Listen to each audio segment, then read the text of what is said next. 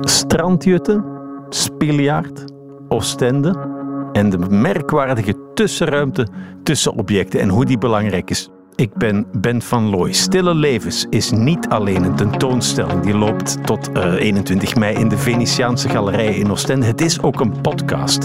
Makers Koen Broeke en Wouter de Pre praten met mij over hun podcast, over verzamelen, maar vooral over Oostende.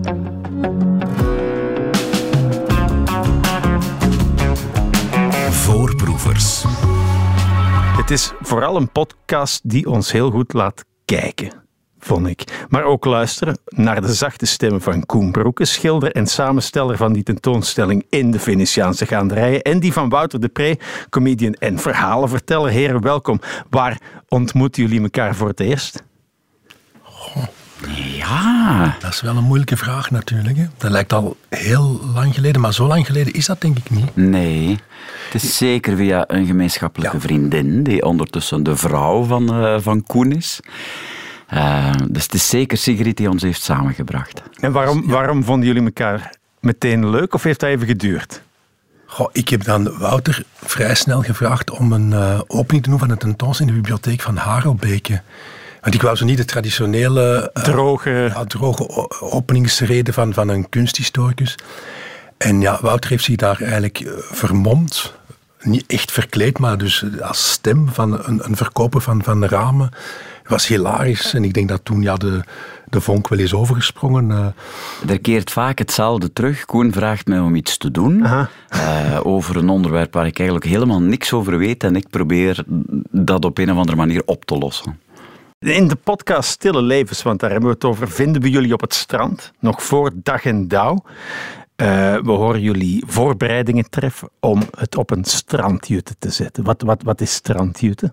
Ja, Koen, ik denk dat jij, ik denk dat jij daarover moet vertellen. Dat is jouw specialiteit. Strandjutte is uh, bij voorkeur als de zee ver weg is, als je een heel breed strand hebt. Net als de zee eigenlijk gaat terugkomen, dan heb je breedste stuk strand en dan op die vloedlijn moet je dan eigenlijk het strand afscannen. Maar dat is een soort van laten we zeggen, niet aandachtige aandacht. Want als je te hard scant, te fel kijkt, dan zie je eigenlijk niks. Dan begin je zelfs te duizelen, krijg je tranen in je ogen. Maar je moet zo een beetje verstrooid kijken en dan zie je ineens objecten die afwijken van de, de meeste objecten die daar liggen. Uiteraard schelpen en bossels. En dan vind je daar ja, middeleeuwse potscherven, fossielen um, en schatten. Uiteraard ook schatten. Dat vind ik wel mooi. Als je te precies kijkt, te hard concentreert, dat je dan eigenlijk voorbij gaat aan de belangrijke dingen, de dingen die er liggen. Absoluut. En ik denk dat dat eigenlijk een metafoor is voor het kijken als dusdanig. Hè. Dus het, um, het, verst Allee, het is eigenlijk een pleidooi voor het, het verstrooide kijken. Uh, en dus niet analytisch kijken dat eigenlijk alles vernietigt en alles in, in onderdeeltjes verknipt, maar gewoon een soort van ja, dromerige blik op de, op de werkelijkheid. En zo moet je ook naar de tentoonstelling Stille Levens gaan kijken. Ja, maar het is moeilijk om te bereiken, hè? want ja. je moet dus eigenlijk bewust proberen om niet echt iets te willen vinden of, ja. of te scannen. Vind je dat moeilijk, Maar wel met de bedoeling om dan misschien toch iets te vinden. Ik vind het moeilijk om die bedoeling te vergeten. Ja, absoluut. Ja. Heb jij dat ook? Wel, het is ook zo dat je meestal dingen vindt op de momenten dat je het eigenlijk niet meer verwacht. En dus als je met te veel honger gaat kijken, met te veel honger om echt iets te vinden, ja, dan zit je dus inderdaad met die analytische, te precieze blik die, die eigenlijk dat uitsluit, dat je echt iets tegenkomt. Mm-hmm. Dat gaat niet alleen over voorwerpen, maar ook over ideeën. Hè? Als, je, als je te hard naar een idee zoekt. Ja, of misschien zelfs over een partner. Als je, hè, ja. zo mensen die uh, naar een partner zoeken, als je dat te hopeloos doet en te precies, ja, dan lukt dat niet. Dat moet zo'n beetje vanzelf komen eigenlijk zo.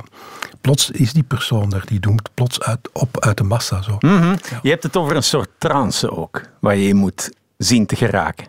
Ja, zo is het. En, en, en het gevolg van die trance is dan ook het moment van vinden. En dat is een moment van intense vreugde. Uh, ik heb nog niet geluk gehad. In de podcast hebben we het er een beetje over om zo een goudschat te vinden of zo. Zoals je dat soms wel leest in het nieuws. Zo, of een, een Romeinse goudschat of een Merovingische goudschat. Ja, maar zo'n goudschat, dat lijkt me dan, moet je toch wel redelijk analytisch naar gaan zoeken. Daar kun je niet al dromerig uh, struinen tegenkomen. Ik denk dat zelfs niet. Je hebt natuurlijk de mensen die dat heel analytisch doen met een metaaldetector, maar dat mag zelfs niet. Er zijn, zijn heel strenge regels over. Maar je hebt er ook vaak verhalen van mensen die dat zo um, toevallig tegenkomen bij, ik zal, ik zal maar zeggen, het graafwerken voor een, een, een boom of zo in of ook schatten op zolder, bij, bij, bij het opruimen en je draait er eens een, een stoffig schilderij op, om en dan blijkt dan een Van Gogh te zijn of zo. Ja. Toppunt van liefde zou zijn als iemand zonder dat jij het weet, voor jou ah, ja. een goudschat op het strand legt. Die jij dan als struinend, zonder specifieke aandacht kunt vinden. En dan heb je je schat en kun je je theorie blijven aanhangen. Of liefdesbrieven. Je kan ook liefdesbrieven voor iemand klaarleggen op het strand. of paaseieren. of paaseieren. ja, ja, ja. Um, jij zegt, de grootste vreugde zit hem in het vinden van, van het object. Alles wat daarna komt, is eigenlijk verlies. Ja. Ehm, na het vinden komt het verzamelen. En het verzamelen gaat toch gepaard met een bepaalde zwaarte. Want dan moet je inderdaad je, de objecten, de dingen die je hebt gevonden, in, in vakjes gaan steken. Dan moet je daar orde gaan inbrengen. Vaak zie je ook bij verzamelaars dat, dat die verzamelingen te groot zijn geworden. Dat mhm. dus huizen uitpuilen. ja, ja Wouter, jij, jij, dat komt ook heel even in de podcast. Jij was een verzamelaar die niet noodzakelijk orde bracht in zijn verzameling. Nee, dat werd één grote chaos. Dus we hadden één, één grote kamer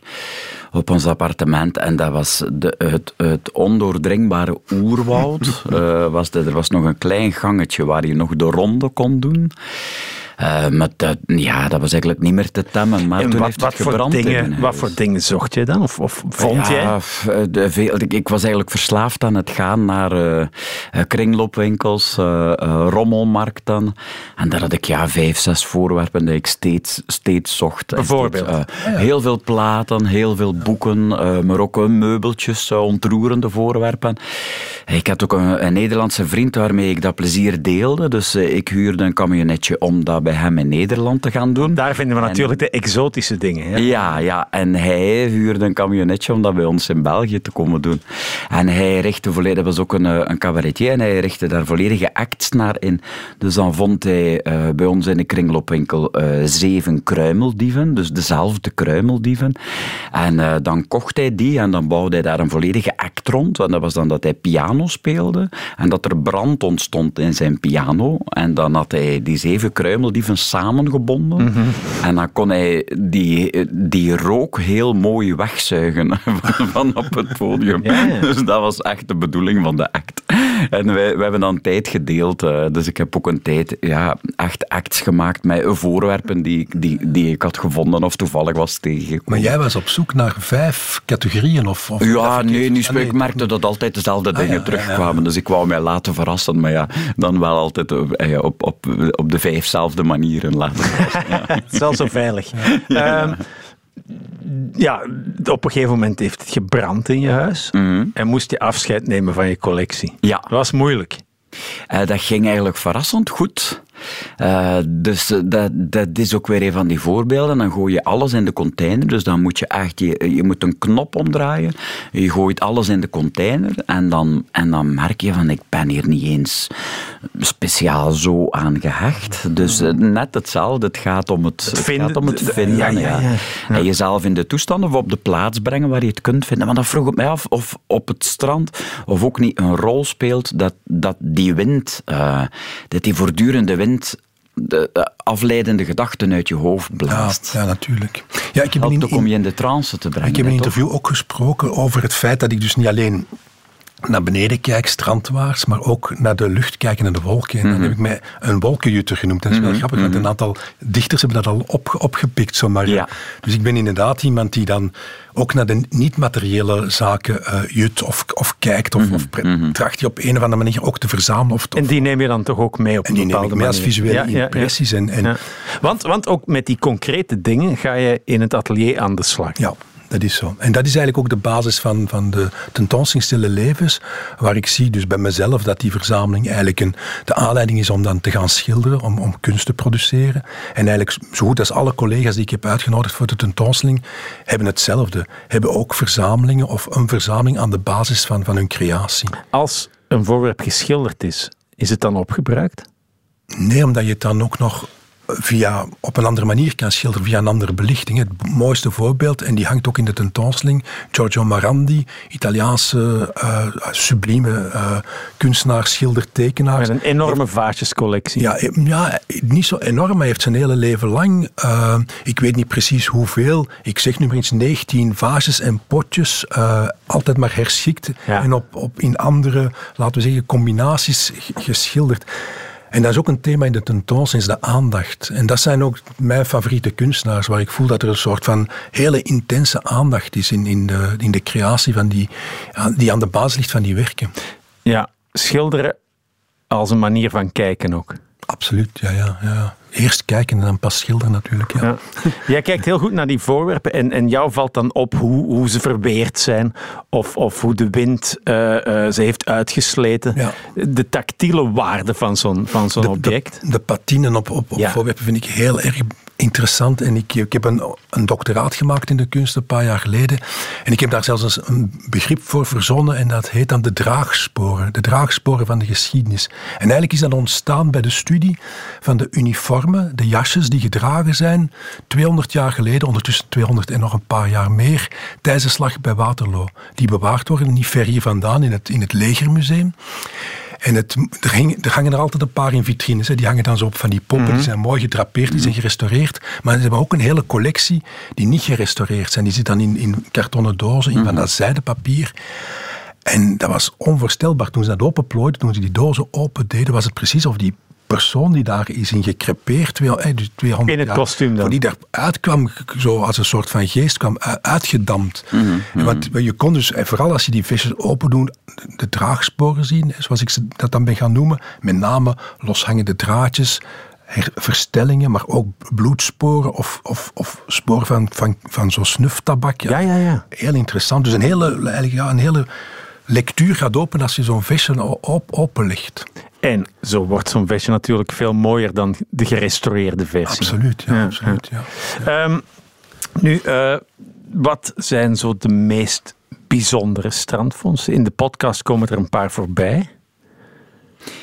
Ja, uh, ik heb een aantal jaar geleden uh, deden we een strandwandeling met, uh, met een bevriend koppel, mijn vrouw en ik. En we zochten een locatie op het strand waar we konden trouwen. mijn toen vriendin, ondertussen vrouw. En uh, ze waren op prospectie en toen heeft uh, een vriend, heeft, uh, die vriend heeft een, een, brievencollectie gevonden die aan de rand van de zee lag. En dus ik weet een pakje achtergelaten brieven. Een pakje achtergelaten brieven in een, een appelblauw zeegroene enveloppen. Die waren samengebonden met een rood lintje. Ehm, de, het waren eh, korte brieven in het Turks. Uh, het waren brieven waar nog van alles van stickertjes was bijgekleefd. Foto's ook? Eén uh, foto zit erbij, ja. En um, dus ja, dan was dat te raden van wat, wat, is er gebeurd, wat staat er in de brieven. Turks is niet evident natuurlijk. Um, waarom heeft die persoon die brieven achtergelaten? Is het, uh, uh, is het de jongen die de brieven heeft achtergelaten? Ze zei vanuit het standpunt van het meisje. Of is het uh, het meisje... Dat alle hoop heeft opgegeven. Dat alle ja, hoop ja, ja. heeft opgegeven. Um, hoe, hoe snel na het beëindigen van de, van, van, van, van de briefwisseling... Want ze waren nog niet zo oud. Het, was, het waren geen brieven uit de jaren 50. Nee, maar, maar ze zijn ook niet zo recent waarschijnlijk. Hmm. Je kunt zien wanneer de foto afgedrukt is. Uh, dat was toen tamelijk recent, het is uh, zes jaar geleden. Okay. Uh, maar het kan even goed zijn dat die foto pas later afgedrukt is. Dus dat die wel een heel stuk vroeger gemaakt is. Wat, wat ik denk dat het geval mhm, is. Mm -hmm. En dus de vraag was van, wat doe ik hiermee? Wat doe ik hiermee? Ja, en wat, wat, wat mag je hiermee ja. doen? Want uh, ja, je voelt toch een pudeur natuurlijk. Wacht op de uitnodiging voor een podcast of zo. Ja, ja, ja. Ja, ja want uh, Koen, uh, jouw voorwerpen zijn, zijn mooi om, om aan te raken, mooi om te kijken, mooi om te zien welke sporen de tijd heeft nagelaten. Maar als jij iets vindt, dan ga jij onmiddellijk naar het verhaal. Ja, ik ga naar het verhaal, ja. ja. Um, maar er, er wordt van alles wakker, hè, terwijl je het vast hebt. Zoals, zoals Koen een voorwerp gaat, uh, gaat vastnemen en kijken naar hoe het eruit ziet. Ga ik, in ik ga meer naar, naar verhaal kijken, mm -hmm. maar, maar dat gaat ook wel heel veel verschillende richtingen uit. En denken van, wat kun je ermee doen? Wat, wat, wat is er? Ik merk dat de laatste tijd, want ik denk regelmatig aan die brieven terug. Ik neem ze ook regelmatig heb je ze nog? opnieuw. Ja, ik ja. heb ze nog. Ze liggen in de, in de tentoonstelling okay. ook. Ja. Maar dus... Uh, uh, niet leesbaar. Uh, dus ze zitten nog in de envelop. Je ziet ja. een klein stukje van, van, van de foto. Dus ze liggen, uh, ja, ze liggen uh, gedrapeerd, maar, maar niet leesbaar. dus je hebt dat, dat, dat voyeuristische zit erin, want je wilt het graag weten, maar je weet niet of het gepermitteerd is. En je voelt want, ook een beetje... Voor alle duidelijkheid, je weet het nog steeds niet. Nee, ik weet het nog steeds doen. niet. Nee, nee, nee. Eh, Dus eh, de- het lichtere, ik snuffel er regelmatig aan om er iets mee te doen. Maar ik denk, eigenlijk denk ik, de thema's er rond zijn, zijn even interessant als de brieven zelf. Mhm. Dus wat, wat, in, in, welke zin is Turkse liefde cultureel misschien verschillend in vergelijking met Vlaamse liefde? Mhm. Eh, ik heb een deel van de teksten door eh, Google Translate eh, eh, gejaagd een aantal jaar geleden. Dan begrijp je stukken, maar sommige stukken ook niet.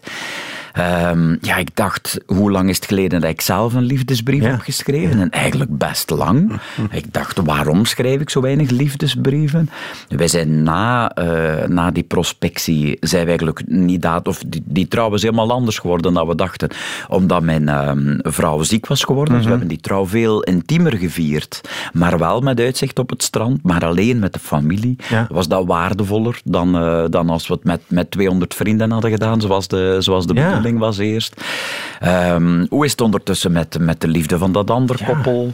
Eh, dus ja, dat zijn allemaal vragen die me eigenlijk minstens evenveel Ik heb interesseren. het gevoel dat we eerder aan het begin van een verhaal staan dan aan het einde. Ja, ja, dat denk ik wel, ja. Maar zo is ook de tentoonstelling eigenlijk maar een etappe in een, in een veel langer proces. En ehm, ik heb het ook al een paar keer gezegd, dus bij het afsluiten van de selectie, die dan eh, paar maanden voor de opening is, want dan, je begint dan de transporten en de verzekeringen zo te organiseren, die weken daarna stoot je op talrijke andere interessante schelpenverzamelingen op kunstenaars die met stil leven zijn. En nu na de tentoonstelling krijg je de ene mail naar de andere. Ja, maar je bent mij vergeten. Je bent mijn verzameling vergeten. Ik zeg dan ook tegen die mensen... Ja, dat is eigenlijk jammer, maar ook niet jammer, want het is een proces. Dus de tentoonstelling Ja. is eigenlijk ook een trigger om meer te weten te komen over het onderwerp en allicht ook over onze brieven.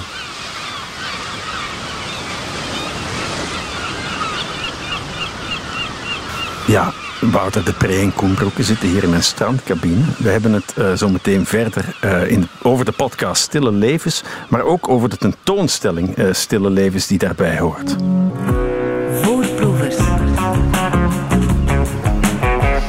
Jij stelde dus een tentoonstelling samen in de Venetiaanse gaanderijen met dezelfde titel, met Stille Levens. Welk verhaal wilde je vertellen?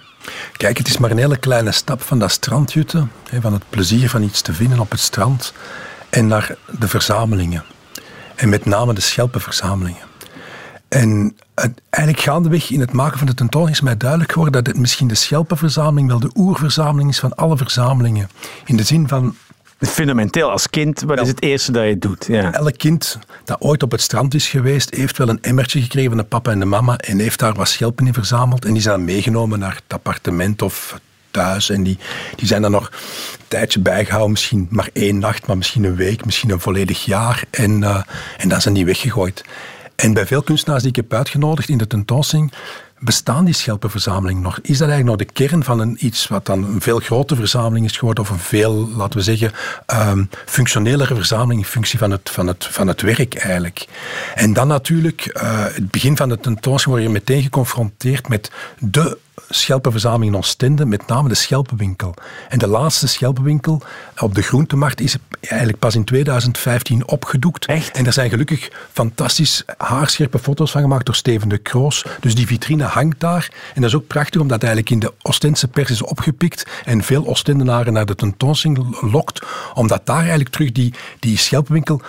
Er is terug een re- reconstructie van die schelpenwinkel. Er is terug iets in ere hersteld. Ooit waren er veel Wel, in de Belle schelpenwinkels. dus ik heb zo ergens statistische gegevens eh, gevonden van, van de stad Oostende met het aantal bars, het aantal restaurants. En daar vind je dan terug dat er zeven schelpenwinkels waren. En ik heb daar ook oude postkaarten van gevonden, oude foto's, oude ehm, visitekaartjes.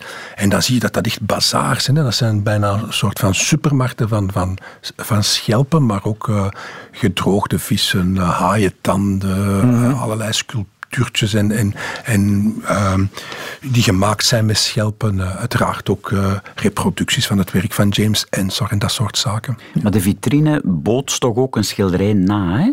Wel, in die vitrine van, van dus de schelpenwinkel, eh, zoals die dus op, op de groentemarkt aanwezig was, in het midden van de vitrine heb je opnieuw een kader. En die kader heb je eigenlijk een remake van een schilderij van Ensor. Ja. Wauw. Dus eigenlijk een, een, een stilleven met schelpen. Ja. Ja. Ja. Ehm, En met, eh, dan wordt het een parodie ook door, Ja, door sommige ja. dingen die erbij hangen. Dat is heel boeiend. Ja. Dus je laat schelpen zien, schilderijen van schelpen en schilderijen van voorwerpen in het algemeen. Wel, het heel snel bleek het toch saai te worden. Moest ik een tentoonstelling maken met alleen maar schilderijen van schelpen. Ja. En dan ben ik toch heel snel gaan kijken naar het stilleven als dusdanig. Want uiteraard, het, het schilderij met schelpen is een stilleven. En het, het, het stilleven is eigenlijk een ongelooflijk interessant genre, omdat het juist gaat over aandacht. Over de aandacht voor de kleine objecten die de schilder of de kunstenaar omringen. Um, maar het stilleven is ook een, eigenlijk iets dat is onderverdeeld in nog subgenres. Ja, dat vond ik heel interessant. Het, het uitgangspunt dat is eigenlijk een schilderij uh, van uh, Leon Spiliaert, bekend uh, Ostende schilder. En daarop zie je inderdaad op het eerste zicht onschuldige voorwerpen, een flesje, een aantal dingen, die uiteindelijk voor de goede begrijper toch iets helemaal anders zijn. En dat was inderdaad de sleutel naar. Ja, inderdaad, ja. Dat, was, dat, is eigenlijk het werk dat aan de basis ligt van de hele tentoonstelling. Dus je ziet inderdaad een, een schelpenverzameling. En dat associëren wij meteen ook met eigenlijk het plezier van op het strand mhm. te zijn en iets, iets te vinden. Maar daarnaast is ook nog een pillendoos en een flesje. En het flesje bevat laudanum. Mm Laudanum is een panacee, dus eigenlijk een geneesmiddel dat voor van alles werd gebruikt. Ook een soort van samenstelling van, van pijnstillers. En door eigenlijk dat flesje op dat stilleven te zetten, zegt um, Spiljart, Leon Spiljart, iets over zijn innerlijke conditie. Niet mhm. alleen zijn, zijn, zijn karakter, zijn melancholie, maar ook over zijn, zijn maagpijn en dus zijn slapeloosheid. Dus het is eigenlijk helemaal niet zo'n onschuldigste leven als je maar denkt. En in zekere zin zijn alle kunstwerken die aanwezig zijn in de tentoonstelling verwijzen naar dat, dat ene leven. Het schilderij hangt er niet. Waarom niet? De, het, we konden het niet in bruikleen krijgen. Het is dus in een uh, privécollectie, maar het is wel aanwezig in een kleine kopie uh, olie op geprepareerd karton. Uh, wie zoekt, die vindt. Oké, okay. uh, nu, uh, dat flesje met laudanum, dat staat voor iets heel donkers ook, hè? voor, voor, voor ja. opiaten, voor, voor ja. de dood misschien zelfs. je, stille levens hebben altijd volgestaan met voorwerpen. Maar die voorwerpen betekenden ook vaak iets. En zeker in die tijd werden die schilderijen heel anders bekeken dan nu. Als we nu een bloemenschilderij bekijken uit de 17e eeuw, is dat een, streling voor het oog. Maar ooit vertelde dat een heel verhaal. Ja, dus het stilleven is zo min of meer uitgevonden in de 17e eeuw. Heeft ook te maken dus eigenlijk met de noordelijke Nederlanden, waar uh, dus de, het protestantisme um, eigenlijk... Uh, de, de, de, de katholieke uh, religie gaat vervangen, waardoor meer aandacht komt voor de, voor de materiële wereld. Ja, geen heilige schilderij meer, mocht niet meer. En dus die, die stillevens hebben iets dubieus, want tegelijkertijd is dat eigenlijk een uitstal van rijkdom, maar tegelijkertijd is dat ook altijd een vanitas. En is dat altijd een soort van uitbeelding van, van ijdelheid en een teveel. En een waarschuwing? Waarschuwingen. En in die zin hebben ook al die objecten die erop staan, en bijvoorbeeld ook in bloemstukken, elke bloem heeft een symbolische betekenis, die wij niet meer altijd verstaan. En met name ook de brieven, en daarom ben ik ook zo blij dat ik die brief van Wouter in de tentoonstelling heb. Ook in die stillevens worden heel vaak brieven en lintjes en, en, en brieven aan lintjes afgebeeld. Ook vaak in de Vanitas-schilderij gecombineerd met allerlei objecten die te maken hebben met tijdelijkheid. En dus klokjes, um, een uitgeblazen kaars, uiteraard een schedel of, of een volledig skelet, uh, dat soort zaken. En, en er is inderdaad in de tentoonstelling ook een hoofdstuk daar volledig aan gewijd aan die schedels en die skeletten. Die, die zaal opent met een, een schedel getekend door Leon Spiljaard in het jaar 1914. Mhm. Dus ergens kort voor of kort na het uitbreken van de oorlog. Ja. ja. Uh, als relatief buitenstaander, Wouter, hoe, hoe zie jij die tentoonstelling? Uh, ik heb de laatste tijd, denk ik, denk ik, door wat Koen daarover heeft verteld, en ook door dat werk van Spilliaar te zien, denk ik heel vaak aan, uh, aan schedels. En uh, ja, denk ik heel vaak als, als oefening eigenlijk, dat ik, dat ik denk van, ah, uh, er staat een schedel voor mij en die helpt mij mee beslissen of dat ik een bepaald project ga doen of niet. Uh, die helpt mij mee beslissen of, of ja, welke richting ik wil inslaan in het leven. Um, dus het heeft mij eigenlijk heel hard geholpen, op, zelfs op een praktische manier, om, om te denken van wat wil ik met de toekomst doen. En ik weet dat veel te vroeg is om te zeggen, met de tijd die mij rest, maar kom toch ergens zo in het midden uh, denken van wat vind ik nu werkelijk belangrijk, belangrijk en wat niet. Um, dus dat is zeker iets dat, dat is blijven hangen. Mm -hmm. Ik vind, dat, uh, ik vind die overgang van uh, die symboliek uh, naar eh, naar inkijken in het persoonlijke leven vind ik heel boeiend.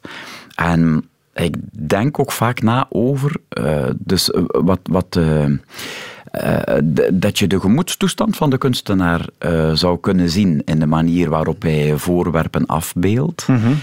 um, denk ik ook vaak, dit is iets wat ik mij afvraag. Of Heb je daar een voorbeeld bij? Um, ja, dit is iets waar je vaak op terugkomt. Hè, maar je hebt dat bij, bij, uh, bij zeezichten, uh, uh, hebben we daar ook al over gepraat.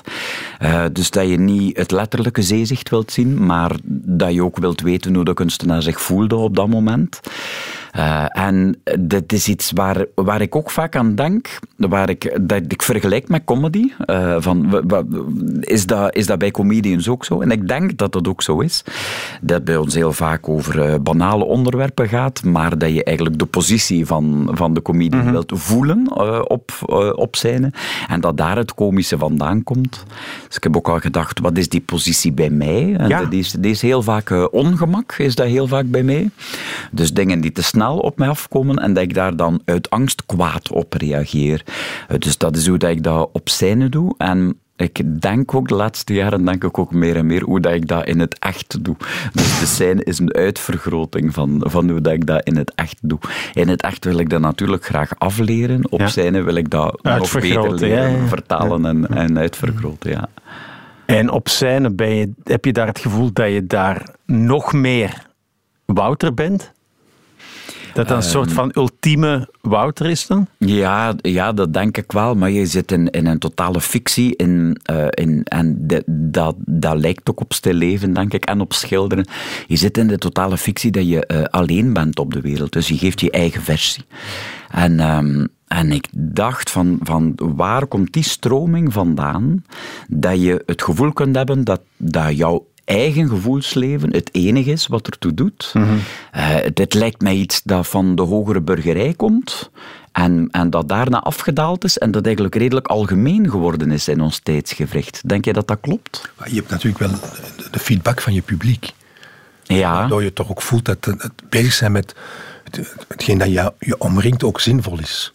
Ja, zeker. Ja, ja, ja, dan ja. Zou, je, zou dat toch een soort van doodlopend narcistisch straatje zijn waar je ja, ja, zeker. Ja, ja. stopt. Dus ik denk, ja, ja, zeker. Het publiek speelt daar ook een heel grote rol in. Dus ja, maar... kent zich daar ook in, juist in, in, in die, her, allee, die dagdagelijksheid van. van ja, en ik denk hoe specifieker jouw verhaal, hoe herkenbaarder voor een breed ja, publiek. denk ik ook. Ja. Ik denk als je een soort algemeenheden verkondigt, dat het snel afgelopen zou zijn. Ja. En er is inderdaad een mooie parallel met het stilleven, dat eigenlijk, um, en dat zie je ook in de tentoonstelling, de objecten die, die zijn afgebeeld of geschilderd of gefotografeerd zijn vaak um, onbeduidend flesjes, mm -hmm. uh, doosjes, uh, een, een, doosje wasgoed of, of uh, wasproduct.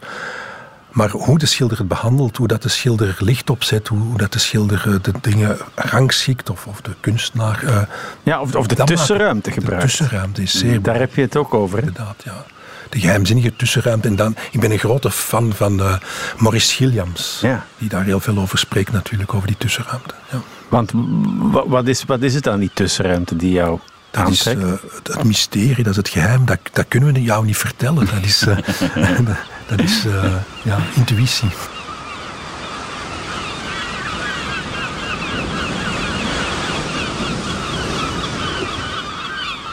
Wouter de Pre, Koen Broek, jullie maakten de podcast Stille Levens en dat is ook echt een Oostende podcast geworden. Jullie wonen er ook allebei, hè? of toch een soort van? Inderdaad, ja. Ik zal eerst voor mezelf spreken. Ja. Ik ben getrouwd met Ostense. Uh, ik was eigenlijk van Antwerpen naar Wallonië uh, verhuisd. En dan heb ik een Ostense leren kennen. Dankzij een project met een andere goede vriend van mij, Koen Peters. Uh, wat dan de roman Kamer in Oostende is geworden. En eigenlijk onze liefdesgeschiedenis wordt ook in die roman verteld. Mhm. Mm -hmm. En dan loopt dat dan allemaal zeer goed af. En we leren elkaar kennen en, en, en betuigen de liefde. En kijk dat maakte dat ik dus eigenlijk de helft van de tijd nu in Oostende woon en werk en de helft van de tijd in Wallonië werk ja. en woon. Ja, Wouter, jij zit, jij zit daar ook. Ik woon eh 90% van de tijd in eh, Gent, maar ben ook eh, vaak in Oostende. Wij hebben een appartementje in de Europatoren. Dat is die gigantische Dat is toren. hè? die, dat gigantische lelijke blok waar het heel fijn is om zelf in te zitten en waar vreselijk is om op te zitten kijken. Op welk verdiep woon je? We zitten op twee derde van de toren ongeveer. Ja, dus is niet slecht. dat is, al, dat is al heel hoog. Ja. Je vertelt in de podcast hoe de zee dan heel erg van perspectief verandert. Mhm, mhm. Een heerlijke plek om de zee te schilderen, hè, van daaruit. ja, dat geloof ik. Ja. En wie ons natuurlijk voor, voor is gegaan, is Thierry de, de Cordier, die Ja. dat eigenlijk als eerste van daaruit heeft eh, waargenomen en geschilderd. En daar ook schitterende theorieën heeft over eh, verteld. Want de zee wordt dan op die hoogte een soort van muur. Ja, die gaat rechtop staan. Hè. Mhm, Die komt daar rechtop te staan. Ja. Ja, Dat lijkt me verschrikkelijk griezelig. Hebben jullie daar geen dat, last dat, van? dat is wel beangstigend. Ja. ook. Dat, heeft, Ja. dat is wel... ja, Ja, ja, het is groot. Ja. En je zit, eh, je zit een stuk... Het, het, ehm, ook als je de ramen openzet, ver, verhevigt het. Ehm, maar je zit ook een stuk eh, afgesloten ervan tezelfde tijd, omdat je eh, de zee minder hoort. Eh, dat je de wind eigenlijk ook minder hoort. Eh, je hebt de geur minder dan als je er vlakbij staat. Dus je moet ook opletten dat het, dat het niet alleen iets visueels is dat je, dat je meemaakt daar. Ja. Ja. Maar op zomeravonden is het heerlijk om. Dat zijn heel smalle terrasjes, dus je moet met ingetrokken benen zitten. Maar is het, is het heerlijk om daar te zitten, ja. Ja, Oostende beleeft op dit ogenblik een enorme eh, gentrificatiegolf. Hè? Hippe, hippe cultuurmensen kopen allemaal betaalbare huizen op die nog net betaalbaar zijn. En dat verandert de stad ook wel. Hè?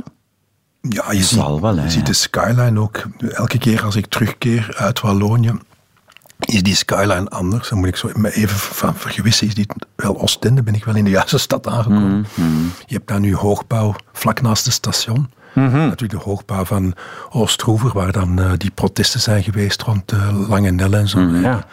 Ja, het is uh, hallucinant hoe snel het gaat. En gaat er ook allerlei gekke koffiebars zien. En natuurwijnwinkels. Waarschijnlijk wel, hè. Ja, maar ik denk dat... eh, Het is belangrijk om te kijken. Ik denk dat Oostende is inderdaad heel snel aan het veranderen, maar heeft ook de andere kant. Oostende is ontzettend internationaal. eh, heeft heel veel verschil in, eh, in inkomen. Ehm, dus ik denk dat er terzelfde tijd en aan alle kanten ontzettend veel bezig is in Oostende. En Oostende heeft ook nog een hoedenwinkel, Jacquelot. Ah ja, Waar ja. wij zijn geweest ook eh, voor ons onderzoek toen met Koen Peters. En ik vertel dat verhaal ook graag omdat mijn overgrootmoeder had een hoedenwinkel op de Alfons Pieterslaan. In dus de Belle Époque, de, de volle Belle Époque, dus de tijd van Leon Spiljaard en uh, Ensort. Dus ik kan mij voorstellen dat die heren daar voor de vitrine wel eens passeerden. Mhm. Het is nu de tijd van de gekke koffiebars, maar er was ook een tijd van de hoedenwinkels. Hè? Hoedenwinkels. Hoeveel waren er op een gegeven moment? Ook zo, zoals de schelpenwinkels. eh, Echt veel. Een dozijn zeker, ja. Ja. Mooi hoe eigenlijk een stad toch voortdurend in flux is en verandert. Ja. Uh, wat maakt de zee zo'n magische plek voor jullie landratten? Hmm, voor mij is dat de zintuigelijke ervaring. Dus ja, je zegt de zee maakt mij open. Dat vond ik ja, wel mooi. Ja, ja, ja, ja, ja. Ik denk ook omdat ze, omdat ze dit eigenlijk met geweld doet. Uh, dus dat het, zo, dat het zo heftig binnenkomt, dat ze zo groot is, uitgestrekt. Uh, diep, ook als je ze van boven ziet. Uh, de wind, de ervaring van, van, uh, van zand ook, zand dat in je gezicht slaat. Um, er, er, is eigenlijk geen verweer mogelijk, zelfs als ik probeer, en ik probeer altijd, uh, van, van, vanwege mijn natuur. Uh, maar ik, Je probeert de controle te houden? Ja, ik probeer de controle ja. te houden en daar is het onmogelijk. Ja. ja. Herken jij zoiets? Ja, ik zwem ook graag. Ik zwem ook graag in de zee. Ik ben wel heel voorzichtig, omdat ik, ik heb, ken ook verschrikkelijke verhalen van mensen die bijna verdronken zijn, of zelfs verdronken. Dus de zee is verraderlijk. Um, je hebt de kellen, hè, dus je hebt zo het gevoel dat die zee, als je erin gaat, dat die uh, steeds, steeds dieper, zo langzaamaan dieper wordt. En dan ineens kan die dan eigenlijk ondieper worden. En dan nadien weer dus dat is soms heel verraderlijk. Als je dan vergezwommen bent en je keert terug, dan denk je van, hey, ik heb hier ineens geen, geen, geen uh, bodem niet meer. Of Ja. zo. En natuurlijk, de stromingen kunnen, kunnen zeer intens zijn. Maar ik vind het heerlijk ook om zo in die golven mee te bewegen. En zo. Dat is, Bij een zomerzwemmer of, of, of ook, ook zo dat Oh, Ik echte ben- ik ben- ijsberen? Ik ben lange tijd ijsbeer geweest toen ik nog in Antwerpen woonde, bij de Deurnense IJsberen. Dat is zo'n Hmm. club. En, dan, en ik heb dat dan verschillende jaren gedaan, maar dat is iets dat je moet opbouwen. hè. Dus dat, dat was echt twee keer in de week. En, eh. Stelselmatig dat je iets lichaam kouder, ja. Inderdaad, ehm wendt aan die kou. Dus het grote voordeel van water is dat het nooit eh, kouder wordt dan, dan 0 graden. Dus Mhm. je blijft altijd wel ergens rond de plus 2. En dan blijf je er ook niet lang in zitten. Maar, eh, Wel verfrissend. ja. Ik ga wel zwemmen met schaatsen, voor moest het plots bevriezen. dat ik nog terug ga. Wouter, Koen, dank jullie wel. graag gedaan. Dankjewel. Voorproevers.